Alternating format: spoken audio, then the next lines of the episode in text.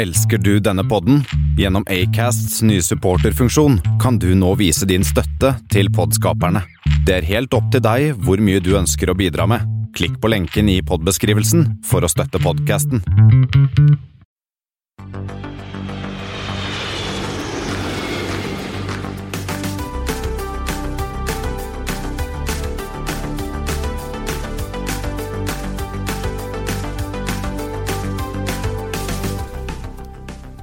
Hei og velkommen om bord på Flight 90, som er årets og tiårets siste episode i Flypodden.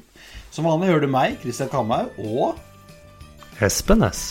Og Espen, det har blitt Er det, er det bitte lille julaften i dag? er ikke det? Bitte lille julaften i dag, så da er det jo lille julaften i morgen, og så er det den store dagen. Ja. Eh, og vi sitter her da en søndag. Du har fått deg en Pellegrino, og jeg har fått meg en Santa Claus-taler. Skål for det. Skål. Og skal ta en liten siste flyprat. Um, dette blir en litt sånn eh, holdt på å si en koselig liten juleprat, men det er jo ikke det. Vi skal snakke mye om død og fordervelse i dag. Ja, for det viser seg at uh, Flight 90 det er en kjent ulykkesflight. Vi kommer jo litt tilbake til den siden. Og så er det jo flere merkedager nå rundt disse tidene med uh, flyulykker, dessverre. Ja, og i går, altså den 21. desember, så var det jo 38 år siden uh, Lockerbie. Det var ikke så mye? 28 det siden. ikke 28 er det vel? Nei, 21. 31. 31 var det vel? 31 var det. Ja. Altså, jeg har vært så borte lenge fra Excel-arkene, Espen, så jeg har helt glemt regninga. Men altså, 21. desember eh, 1988 så var det altså Pan Am Flight 103 på vei fra London til Var det New York?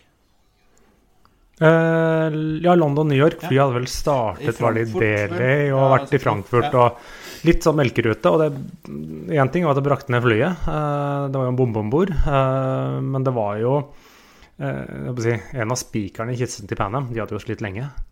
Ja, for dette, det var jo en bombe. Visstnok så ja, påstås at det var Libya som hadde, hadde beordret denne, denne bombeeksplosjonen som en hevn for amerikanernes angrep på Tripoli noen år tidligere. Ja, Det er vel mer enn påstått. De har vel både innrømt Ja, og dømt de har vel både og dømt- betalt erstatning. Og, Ja, ja. Så la oss si Gaddafi, den, eh, den var deg. Eh, Og den eh, ble jo spent av en bombe i en kassettspiller, var det vel? Ja, det var sånn noe nede i lasterommet. Og dette hadde vel, fikk vel også en litt sånn etterfølgerspill at sikkerheten rundt cargo på flyplassene ble bedre, hvis jeg ikke husker helt feil. feil. så var det også den at da etter det så begynte de å matche passasjerer og kofferter. Så Ja, kofferten fordi- fikk ikke reise før uten deg. Nei, for de med denne kassettspilleren var selvsagt ikke med fly lenger. Nei, de var smartere enn selvmordsbombere. De hadde hoppet av, eh, så de ble ikke med. Eh, Flyet ble sprengt. eh, Det ble et hull eh, som gjorde at det disintegrerte og falt ned over den lille skotske byen Lockerbie, som vel aldri ble den samme. Nei. Det, den byen huskes vel bare for, eh, for én ting. Ja. Eh, En, en by eller et sted som huskes for mer, er jo Asker. Ja, vi, vi har vel ikke bystatus her, Christian? Nei, vi har kanskje ikke det. Eh, nei da, ikke flyplass har vi heller, selv om andre steder med mindre folk har flyplass. Uansett. uh, lille julaften, uh, altså i morgen, da, i 1973 72? 72, så styrtet et eh, Bråten Safe Fokker F-28 på vei inn til Fornebu Mm, det var BU 239. fra Ålesund. Fra Ålesund, ja. Ja. Uh, det er jo laget flere eh, si dokument, Jeg vet ikke om det er laget dokumentarer, men er faktisk skrevet en del om denne ulykken. Og man tror jo at uh, her har man egentlig hva skal jeg si, De fulgte ikke helt godt med der framme og tok kanskje en snarvei som var vanlig å ta inn til Fornebu, men kan da tydeligvis ikke ha passet på høyden. Nei, for de traff jo noen trær og endte opp i eh, det som heter vel Myggheim. Myggheim heter det. Eh, Det er senest bare en uke siden jeg gikk forbi der. Eh, Det er omtrent to kilometer å gå fra Solli gård, som er en av utfartsutstedene inn i Vestmarka. Eh, Det står en eh, En stein? det etter ja, så det er en minnestein, sånn 200 meter eller noe sånt etter passerer Myggheim, rett inntil skiløypa. Og når jeg gikk der forrige fredag, var det faktisk satt opp et lite norsk flagg Ah. foran steinen. Ja.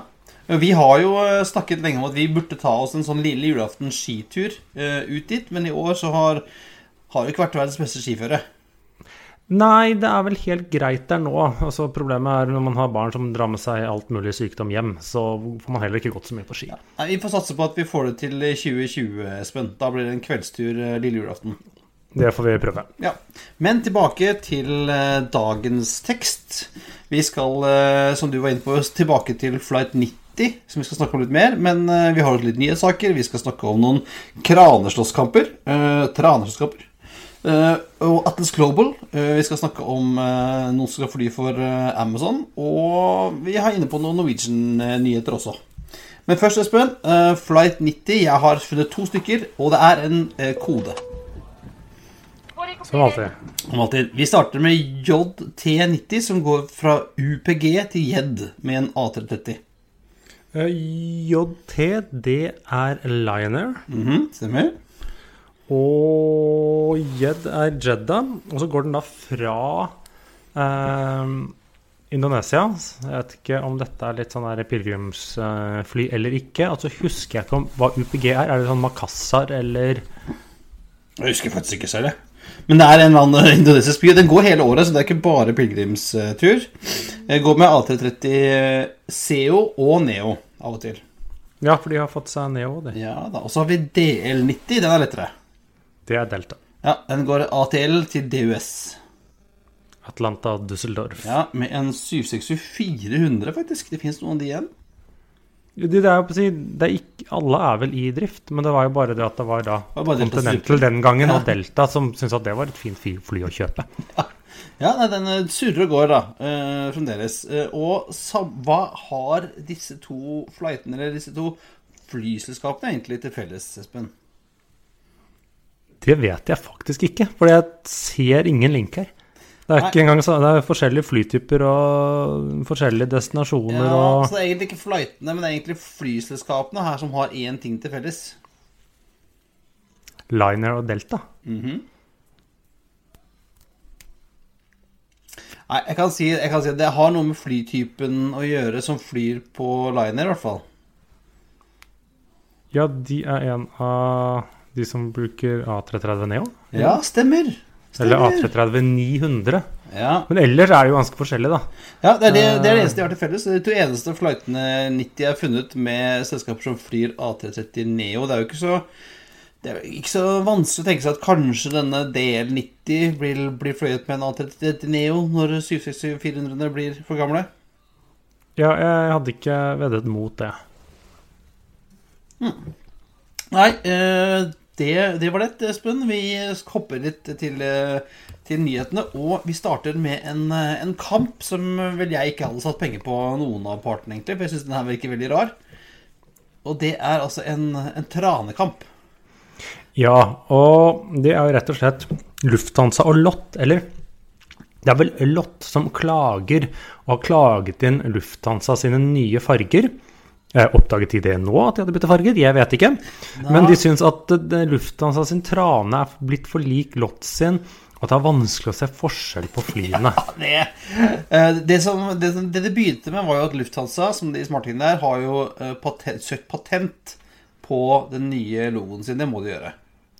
Ja. Eh, Og i Tyskland var det null stress, men så har de også gått ut og søkt patent på denne logoen i alle europeiske land. Men var det bare logoen, eller var det den litt mer av flymalingen også? Jeg tror Og det var hele, farger hele og ja. designet er det vel de har søkt å, å patent, uh, patentere. Eh, og i, i Polen da så gikk Lott til motangrep og sa at det kunne de ikke gjøre. For de hadde jo også eh, blå eh, hale med en hvit sirkel, og inni der en hvit trane. Ja, men resten av kroppen, ja, den er hvit, da, men lott står lott med store bokstaver på, er noen andre kruseduller. Ja, Så her syns jeg disse polakkene surrer. Men ja, Ja, jeg, tror det har, jeg tror det vel mest det at det går, ja, det går mest på det at Lufthansa har søkt patent på denne i, i Polen. Eh, og da vil de søke å, å, um, å sikre sin egen merkevare. Jeg tror det har noe med det å gjøre. Ja, nei, man får se hva som hva det ender med. For de har jo egentlig ikke klaget på det. De har ikke sagt at dere må fjerne det. Det handler jo mer om den Dere får ikke ta varemerkebeskytte dette? Eller hva Ja, det er, vel, det, er sagt vel om- noe, det er vel noe sånt det går på, tror jeg. Tyskere er jo noen jævler på varemerkebeskytte. Jeg husker jeg jobbet i et selskap som het Go for mange år siden, og våre farger var svart og en sånn magentafarge. En rosa. Eh, For, det, for deg, Espen, hvis du ikke er opptatt av farger. Ja, Ja, eh, og da ble vi da eh, kontaktet av, av advokaten til eh, Deutsche Telekom, for de mente at de hadde patent på denne rosa fargen, da. ja. Og da sa vel nei, det kan du drite i. ja. Noen ganger er det greit òg. Ja, men altså Go er borte for lenge siden. Deutsche Telekom finnes fremdeles. Så ja, tolk det hvordan du vil. Men så har vi jo da Atlas Global. Ja, de forsøker å komme seg ut av konkurshjørnet. Ja, eh, og de har sagt at de skulle begynne å fly igjen i går. Ja, det gjorde de ikke, tror jeg. Eller gjorde de det? Jo, for jeg, altså jeg sjekka flightradar i stad, og jeg fant én flight. Jo, En, Det- en Stansted Istanbul. ja, det stemmer kanskje, for de har klart å få noen fly i drift. Men det er jo en skygge av seg selv, for eh, mesteparten har jo utleierne, leasingselskapene, hentet tilbake. Så de, det ser jeg nå, de har liksom Ja. Jeg vet ikke om jeg helt hadde turt booke billetter med dem, men ja. Nei, altså, jeg, for jeg, jeg har ikke gått tilbake i, i, historien på for å se, men altså akkurat i stad jeg sjekka, så var det én eneste flight som var ute og fløy. Men da er det jo i drift, da. Det er jo i drift, da. Så For hvor lenge? Ja, altså hvor Når eh, husket vi sist et selskap som eh, kom tilbake igjen, liksom? Ja, ikke når de har vært eh, faktisk stoppet, men kanskje det er en eller annen sånn lokal tyrkisk helt med dypere lommer enn eh, enn andre. Ja, det kan hende. Vi eh, ønsker i hvert fall eh, Atlas Global eh, lykke til, vi. Gjør vi ikke det? Jo. Håper at de får noen milliarder på bok til jul, da. Det kan jo hende. Ja, det gjør ikke det. Alle, alle ønsker oss noen milliarder på bok. Eh, Et annet selskap som har fått, om ikke milliarder, så har de fått noe mer penger på bok, for de har fått en veldig lukrativ kontrakt. Det er Sun Country Airlines, Espen. Ja, oppsi, nå vet jeg ikke om kontrakten er lukrativ, men det er da fall den er med Amazon, som er jo den uh, holy grailen blant frakteselskapene nå, virker det som. Og Men Sun Country er jo ikke et fraktselskap. nei, de er Det som er Sun Country, jeg vet ikke om mange kjenner til de, det er et amerikansk selskap som for ett til to år siden forandret seg fra et Det var sånn veldig sånn ja, Navnet sier seg selv, Sun Country. De fraktet folk fra Minnesota. Ja, det er hovedbasen deres, ned til sydligere strøk av USA. Eh, skikkelig sånn eh, solreiser. Ja, ja, ja. Eh, de kunne kalt seg Suntrip eller Sunclass, og folk ville forstått hva de drev med. Eh, og så eh, De hadde visst ganske høy servicegrad om bord, og litt sånne ting, men så bestemte de seg for noen år siden at vi skal bli et ultra low cost uh, oh, ja, Carrier. det funker jo bra, bra for alle som har gjort det, det hoppet der. Ja, ikke alle, men jeg tror det egentlig har gått sånn greit nok her. Men eh, så holder jo disse Amazon på å bygge opp sin egen organisasjon, eller sin egen flyselskap, stort sett, eller alt med wetleasa gjennom kontraktører. Eh, så tidligere i år så var det, jeg husker ikke hvem av dem, som skulle fly 10 737-800 for dem, og nå fraktere.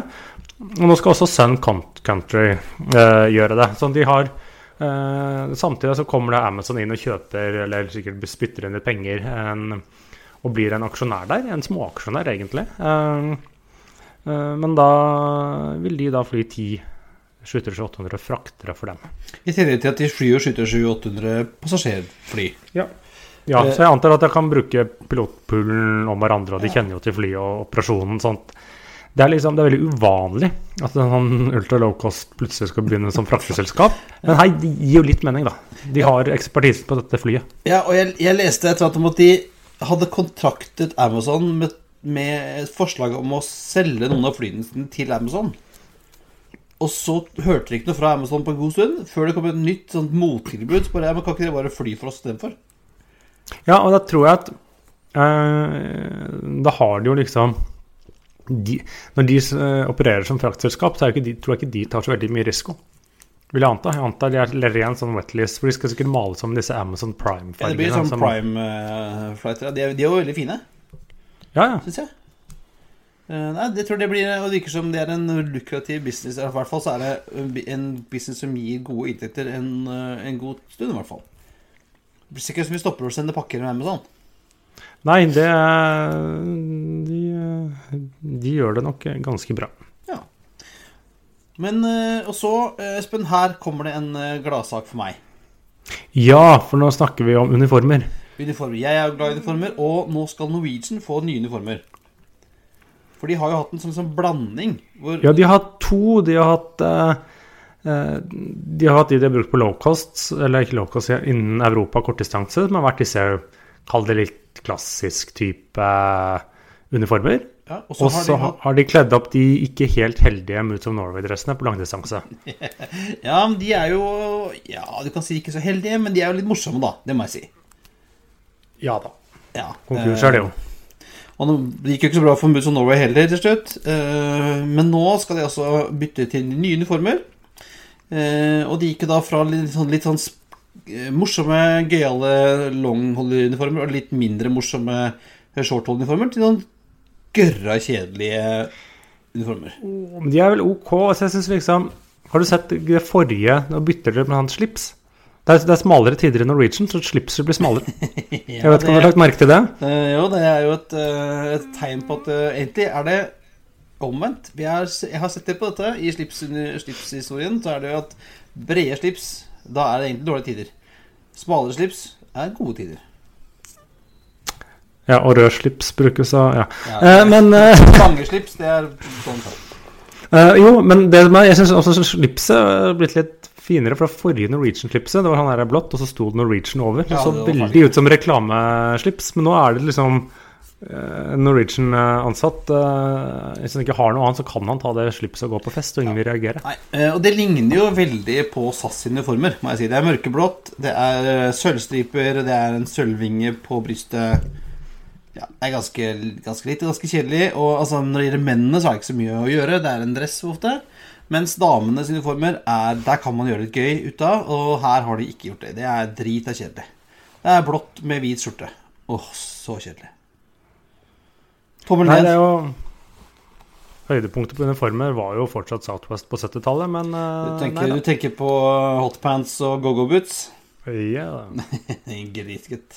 Ja, ja. eh, Og de gamle uniformene de blir nå eh, i eh, en god sånn bærekraftsånd gjort om til nye ting. Så hvis du vil ha en, en ny toalettmappe, eh, så kan du kjøpe det lagd av uniformsjakkene på longhold-uniformene. Nå får deg, Espen.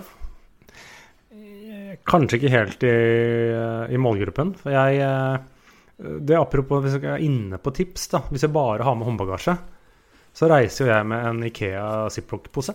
Ja, det gjør du.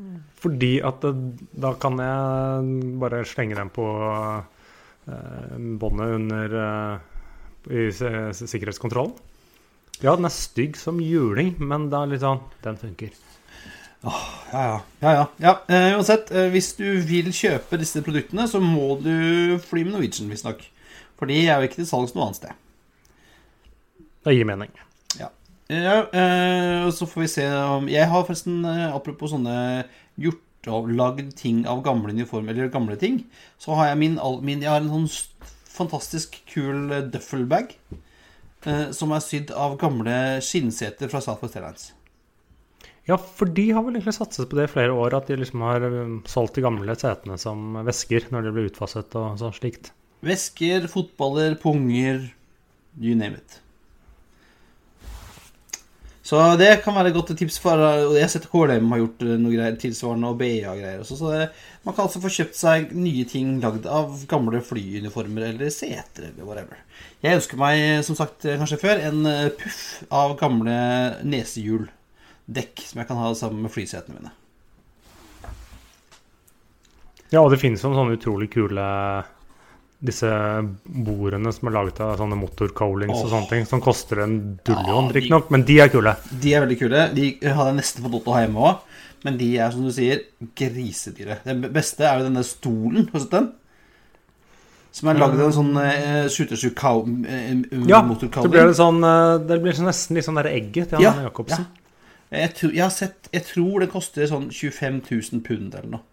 Ja, sånn, det eneste jeg har sett, det var på et av de quality-hotellene i Bergen, ut på, nesten ute ved Flesland. Der har de et bord eller skrivebord i resepsjonen eller fellesområdet som er en eh, flyvinge. Oh. Del av en flyvinge. Kult. Ja, eh, jeg har flyttet i nytt hus inn i januar, så det kan jo være mulighet for å kjøpe seg nye møbler. Tenker jeg. Men skal vi hoppe til eh, ukens eh, tema, Espen, som er en eh, koselig liten julehistorie fra januar. Ja, den er verken julehistorie eller koselig, men det var nå en gang Flight 90, og det er jo en kjent ulykke, egentlig. Ja, det litt, det, noe, jeg tror noe av grunnen til at den er blitt så kjent, er jo at den, det var en av de første som ble øh, nesten sånn livesendt på TV i USA. Ja, for den kommer liksom, siden den kom med kamera, eller hvem nå det var, ganske kjapt. Og dette føler jeg også er en av de klassiske Air Investigation, Air Crash Investigation-episodene også.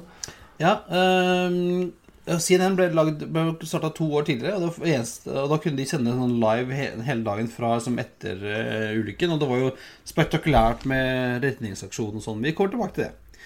Uh, vi, setter, setter, vi, kan heller bare sette sånn stemningen, Espen. Dette er, uh, det er 13.1.1982. vi er i Washington. Det Snøen laver ned, og det er den verste snøstormen i manns minne. Jeg var ikke engang født. Nei. Og det er altså verste, det kjempe, forferdelig snøstorm, sier de som er, alle som, for, som, forteller på den dagen. Og det viste seg at det var vel 10 cm snø og 4 minusgrader. Ja, og så når man ser på denne episoden, så viser de masse fly som kjører rundt i snøføyka. De viser brøytetog, selvsagt litt mer moderne fly. Den er jo litt artig. Ja, det er jo mesteparten av det er jo fra Gardermoen. Ja, de har tatt opp alle sånne stemningsbilder ute på en sånn snøværsdag fra Gardermoen. Ja, uh, og vi har selvfølgelig linket til denne episoden av Air Crash Investigators eh, også. Men vi går tilbake. Altså, det er Washington DC, snør, fire-fem minus, uh, og det er is og greier. og denne Air Florida Flight 90, eller callsign Palm 90 Air Florida var jo et selskap som ble født av denne amerikanske dereguleringen og vokste kjempestort med base i Miami. Eh, og fløy eh, sørover og nordover. Og denne Flight 90 eh, starta i Miami og fløy til Washington, som var Flight 95. Og da skulle den tilbake igjen sånn midt på dagen 12-1-ish. Skulle fly da til, til, Fort Lauderdale via Tampa. En Boeing 737-200. Vi hadde 74 passasjerer og 5 crew.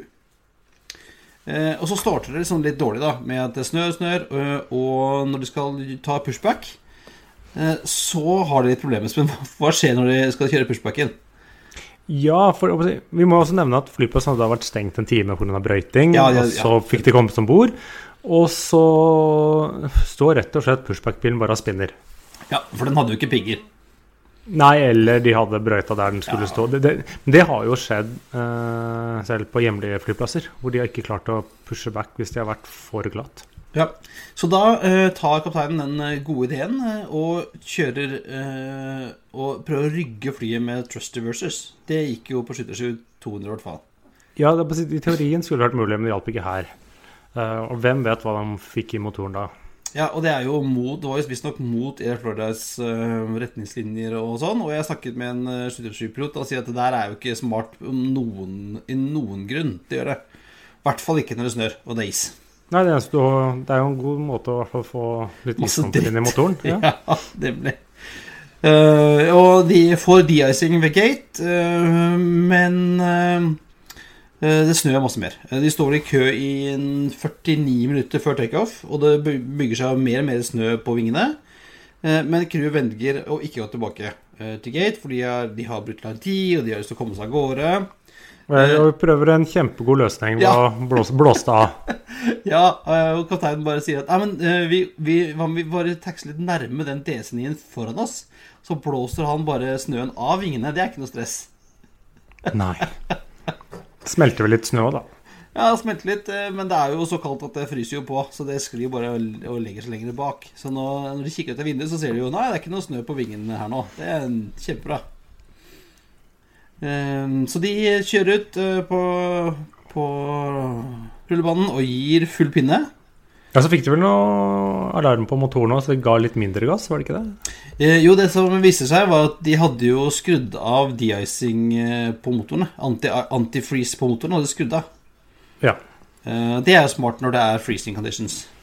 Og det, er jo da man skal bruke dem. Nei, og det gjør jo da at, at motorene vi, Eller trust indicatoren viser større kraft enn det de hadde. Ja. Så de bruker lang tid på å ta av, og når de først tar av, så har de altfor lite fart. Eh, Og, når du og da ståler det jo. Det er ikke så Ja, smart. det hjelper jo heller ikke da at eh, vingen ikke er akkurat aerodynamisk riktig lenger med all isen og snøen. nei. nei. Så eh, de får ikke nok høyde.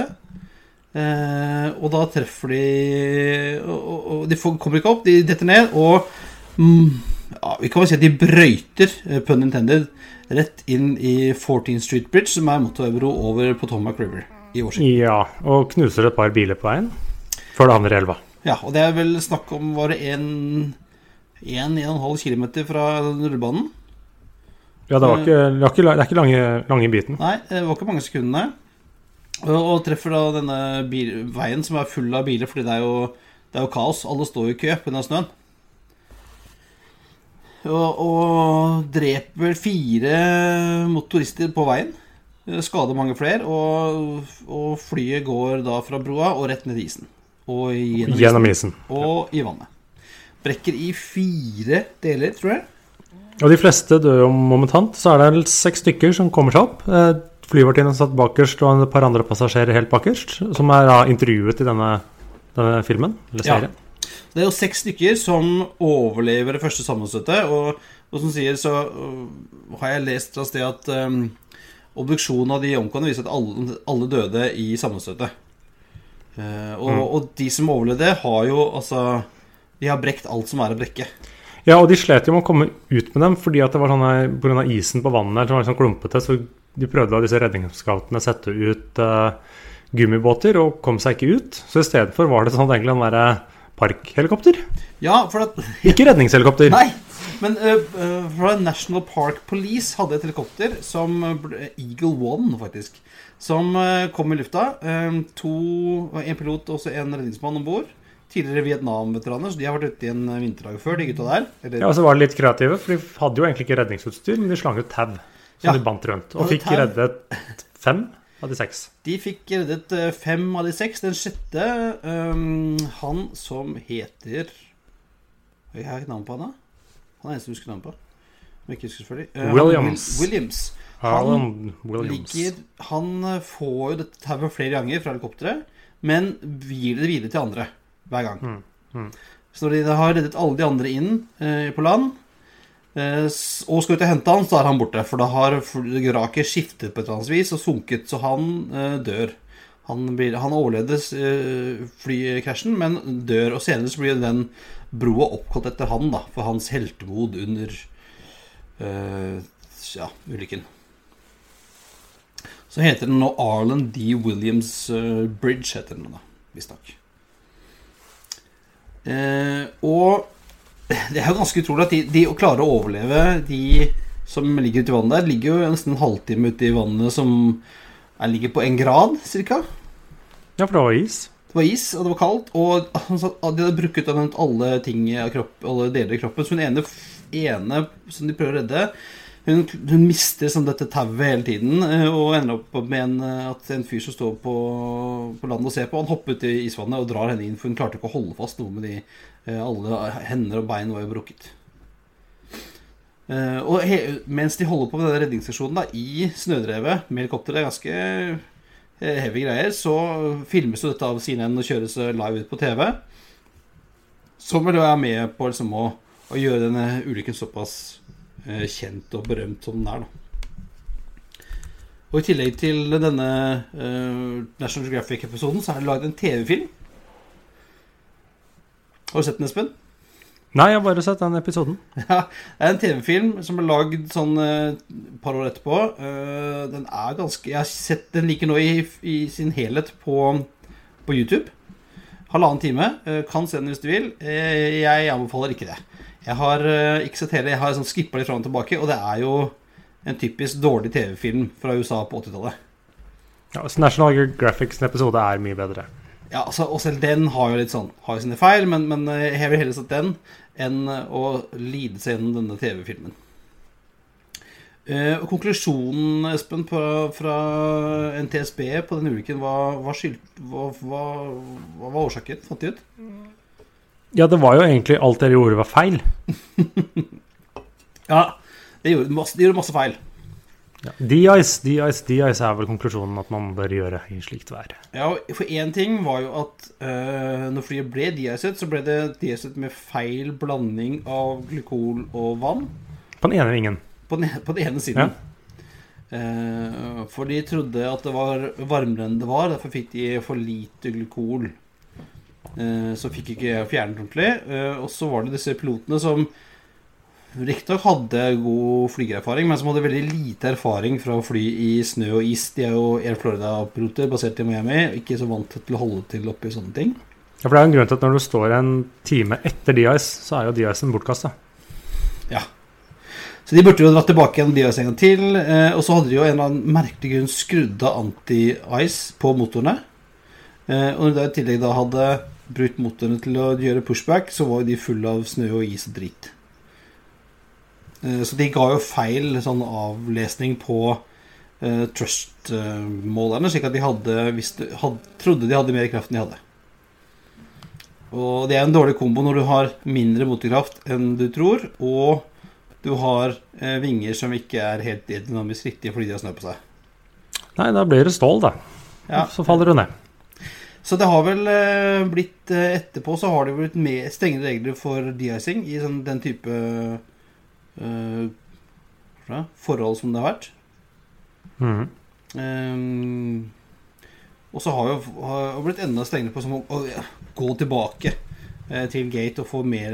Uh, det hender jo ofte på norske flyplasser. Det er lang kø og det er mye snø og dritt, så har jo hendt at jeg måtte, må gå tilbake igjen.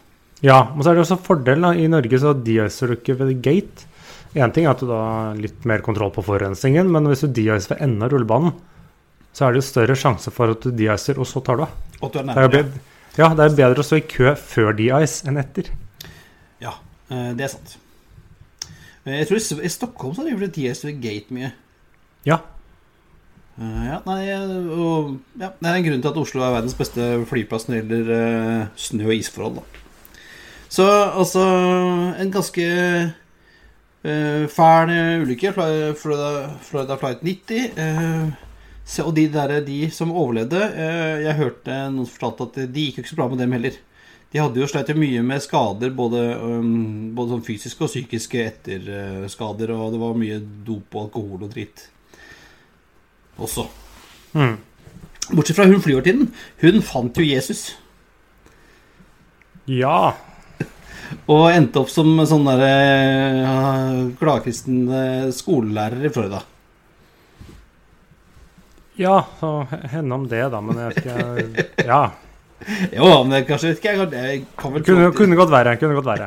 det kunne vært dop. Kanskje bedre med Jesus. Ja.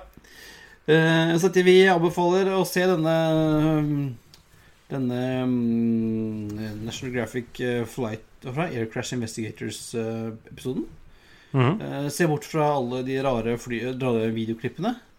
Eh, ellers en ganske bra gjennomgang av hvordan de jobbet med å finne, ut, finne løsningen på ulykken også. Ja, og ligger på YouTube. Så. Ja, ligger på YouTube. Vi tar uh, og linker til den. Uh, har vi en anbefaling, Espen? Ja, du har anbefaling, men før vi går til anbefaling ja. Vi hadde jo besøk forrige uke av vår tidligere kollega Thomas Lone. Ja, han hadde anbefaling forrige uke. Ja, Air Cargo News. Og så går det noen dager, jaggu meg så dukker han opp i en artikkel i Air Cargo News. ja, den visste han vel at kom, da. Mm uh, ja, uh, Så vi må vel uh, fortelle om denne saken. Vi linker den også, men det er jo at Thomas og co. har kjøpt seg et inventory-system for frakt da på Widerøe, tydeligvis. Ja, for det har de da tydeligvis ikke hatt, slik at de nå kan drive som et mer effektivt cargo-virksomhet og, og ha kontroll på på tingene, og, og sikkert da øke inntjeningen. Ja, og sånne ting leser du om i Air Cargo News. Nettopp. Nettopp. Men da hopper jeg til ukens anbefaling. For hvis du ikke har fått nok av krasj og død og, og lemlestede kropper, så kan jeg anbefale en podkast som heter uh, Flight 901 Litany of Lies. Uh, og Det er én av bare tre podkastserier som jeg har funnet uh, fra New Zealand om Air New Zealands Flight 901 som krasjet i Mount Erebus Antarktis 1979. Vi har vel snakket om den før, Espen? Okay? Vi har vel vært innom, ja. Ja, for vi har snakket om den, og så har vi snakket om denne filmen Operation Overdue. Ja, for det er det rednings- eller opplukningsarbeidet etterpå, er det ikke det? Oppryddingen, ja. eh, i- i- Ute i Antarktis etterpå. Det er nå 40 år siden denne ulykken, og den har satt tydeligvis dype spor i New Zealands historie. Det, var, det er vel sånn at Airbus er vel deres Alexander Kielland og Scandinavian Star og alt på en gang, skal jeg tro.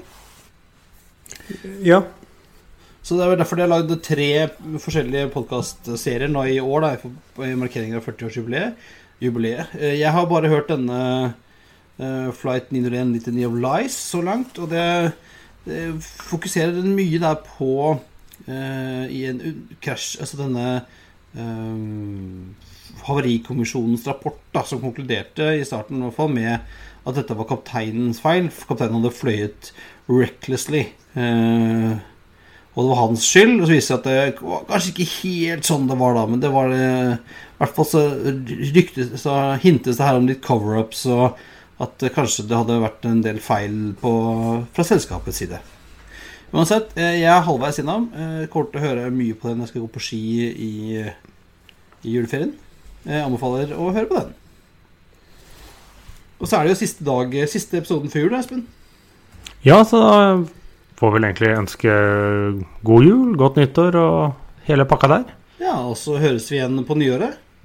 Det gjør vi, vet du. Så Ja, det var Det skal, Ja, og da skal vi kanskje ha en sånn liten sånn eh, En sånn eh, liten sånn eh, episode hvor vi snakker litt om hva vi tror om året som kommer, da. Ja, og så er det jo ikke så veldig mange dager igjen. Må jeg gå opp og rydde plass på champagnekjøla mi, Christian? Ja, du hadde ikke glemt den, nei.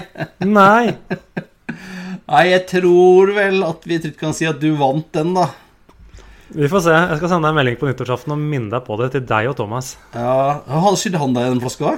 Dere vedda mot meg begge to. Ah, shit. Vi har, altså, for de som ikke husker det, så har vi veddet eh, med Espen om Jeg er helt overbevist om at det skal komme en tredje aktør på norsk innenriks i år. Eh, det ser ikke sånn ut. Så hvis noen hører meg i, borti borte ned i Wizz Airs kontorer, kan, kan ikke dere bare komme inn og sette fly på Gardermoen med en gang? da? Kom igjen, da! Det det holder med å annonsere nå, vet du. Ja, det holder det. Så bare kom igjen. Ja. Hvis noen har lyst til å starte en ny rute i Norsk Innenriks, annonser det nå. Slipper jeg å kjøpe en flaske champagne, til Espen. Få se det der glisete trynet hans. Uansett, det var det. Eh, Det er på tide å feste settebeltet rett opp solryggen og sikre fri sikt ut av vinduet, ettersom flight 90 er på vei inn til landing. Ikke på 14th Street Bridge, men på en, på en podkastspiller nær deg. Som vanlig finner du lenker og bilder og alt sånt til det vi har sagt om i dag på flypodden.no. Du finner oss på facebook.com slash flypodden og på Instagram og Twitter og LinkedIn. Bare søke på Flypodden. Har du tips, har du en eh, god historie, har du noe du vil dele med oss, sender du det til oss på hallo at flypodden.no. Ha det Ha det bra. bra. We thank you for flying with us today. We truly appreciate your business and look forward to serving you on a future flight.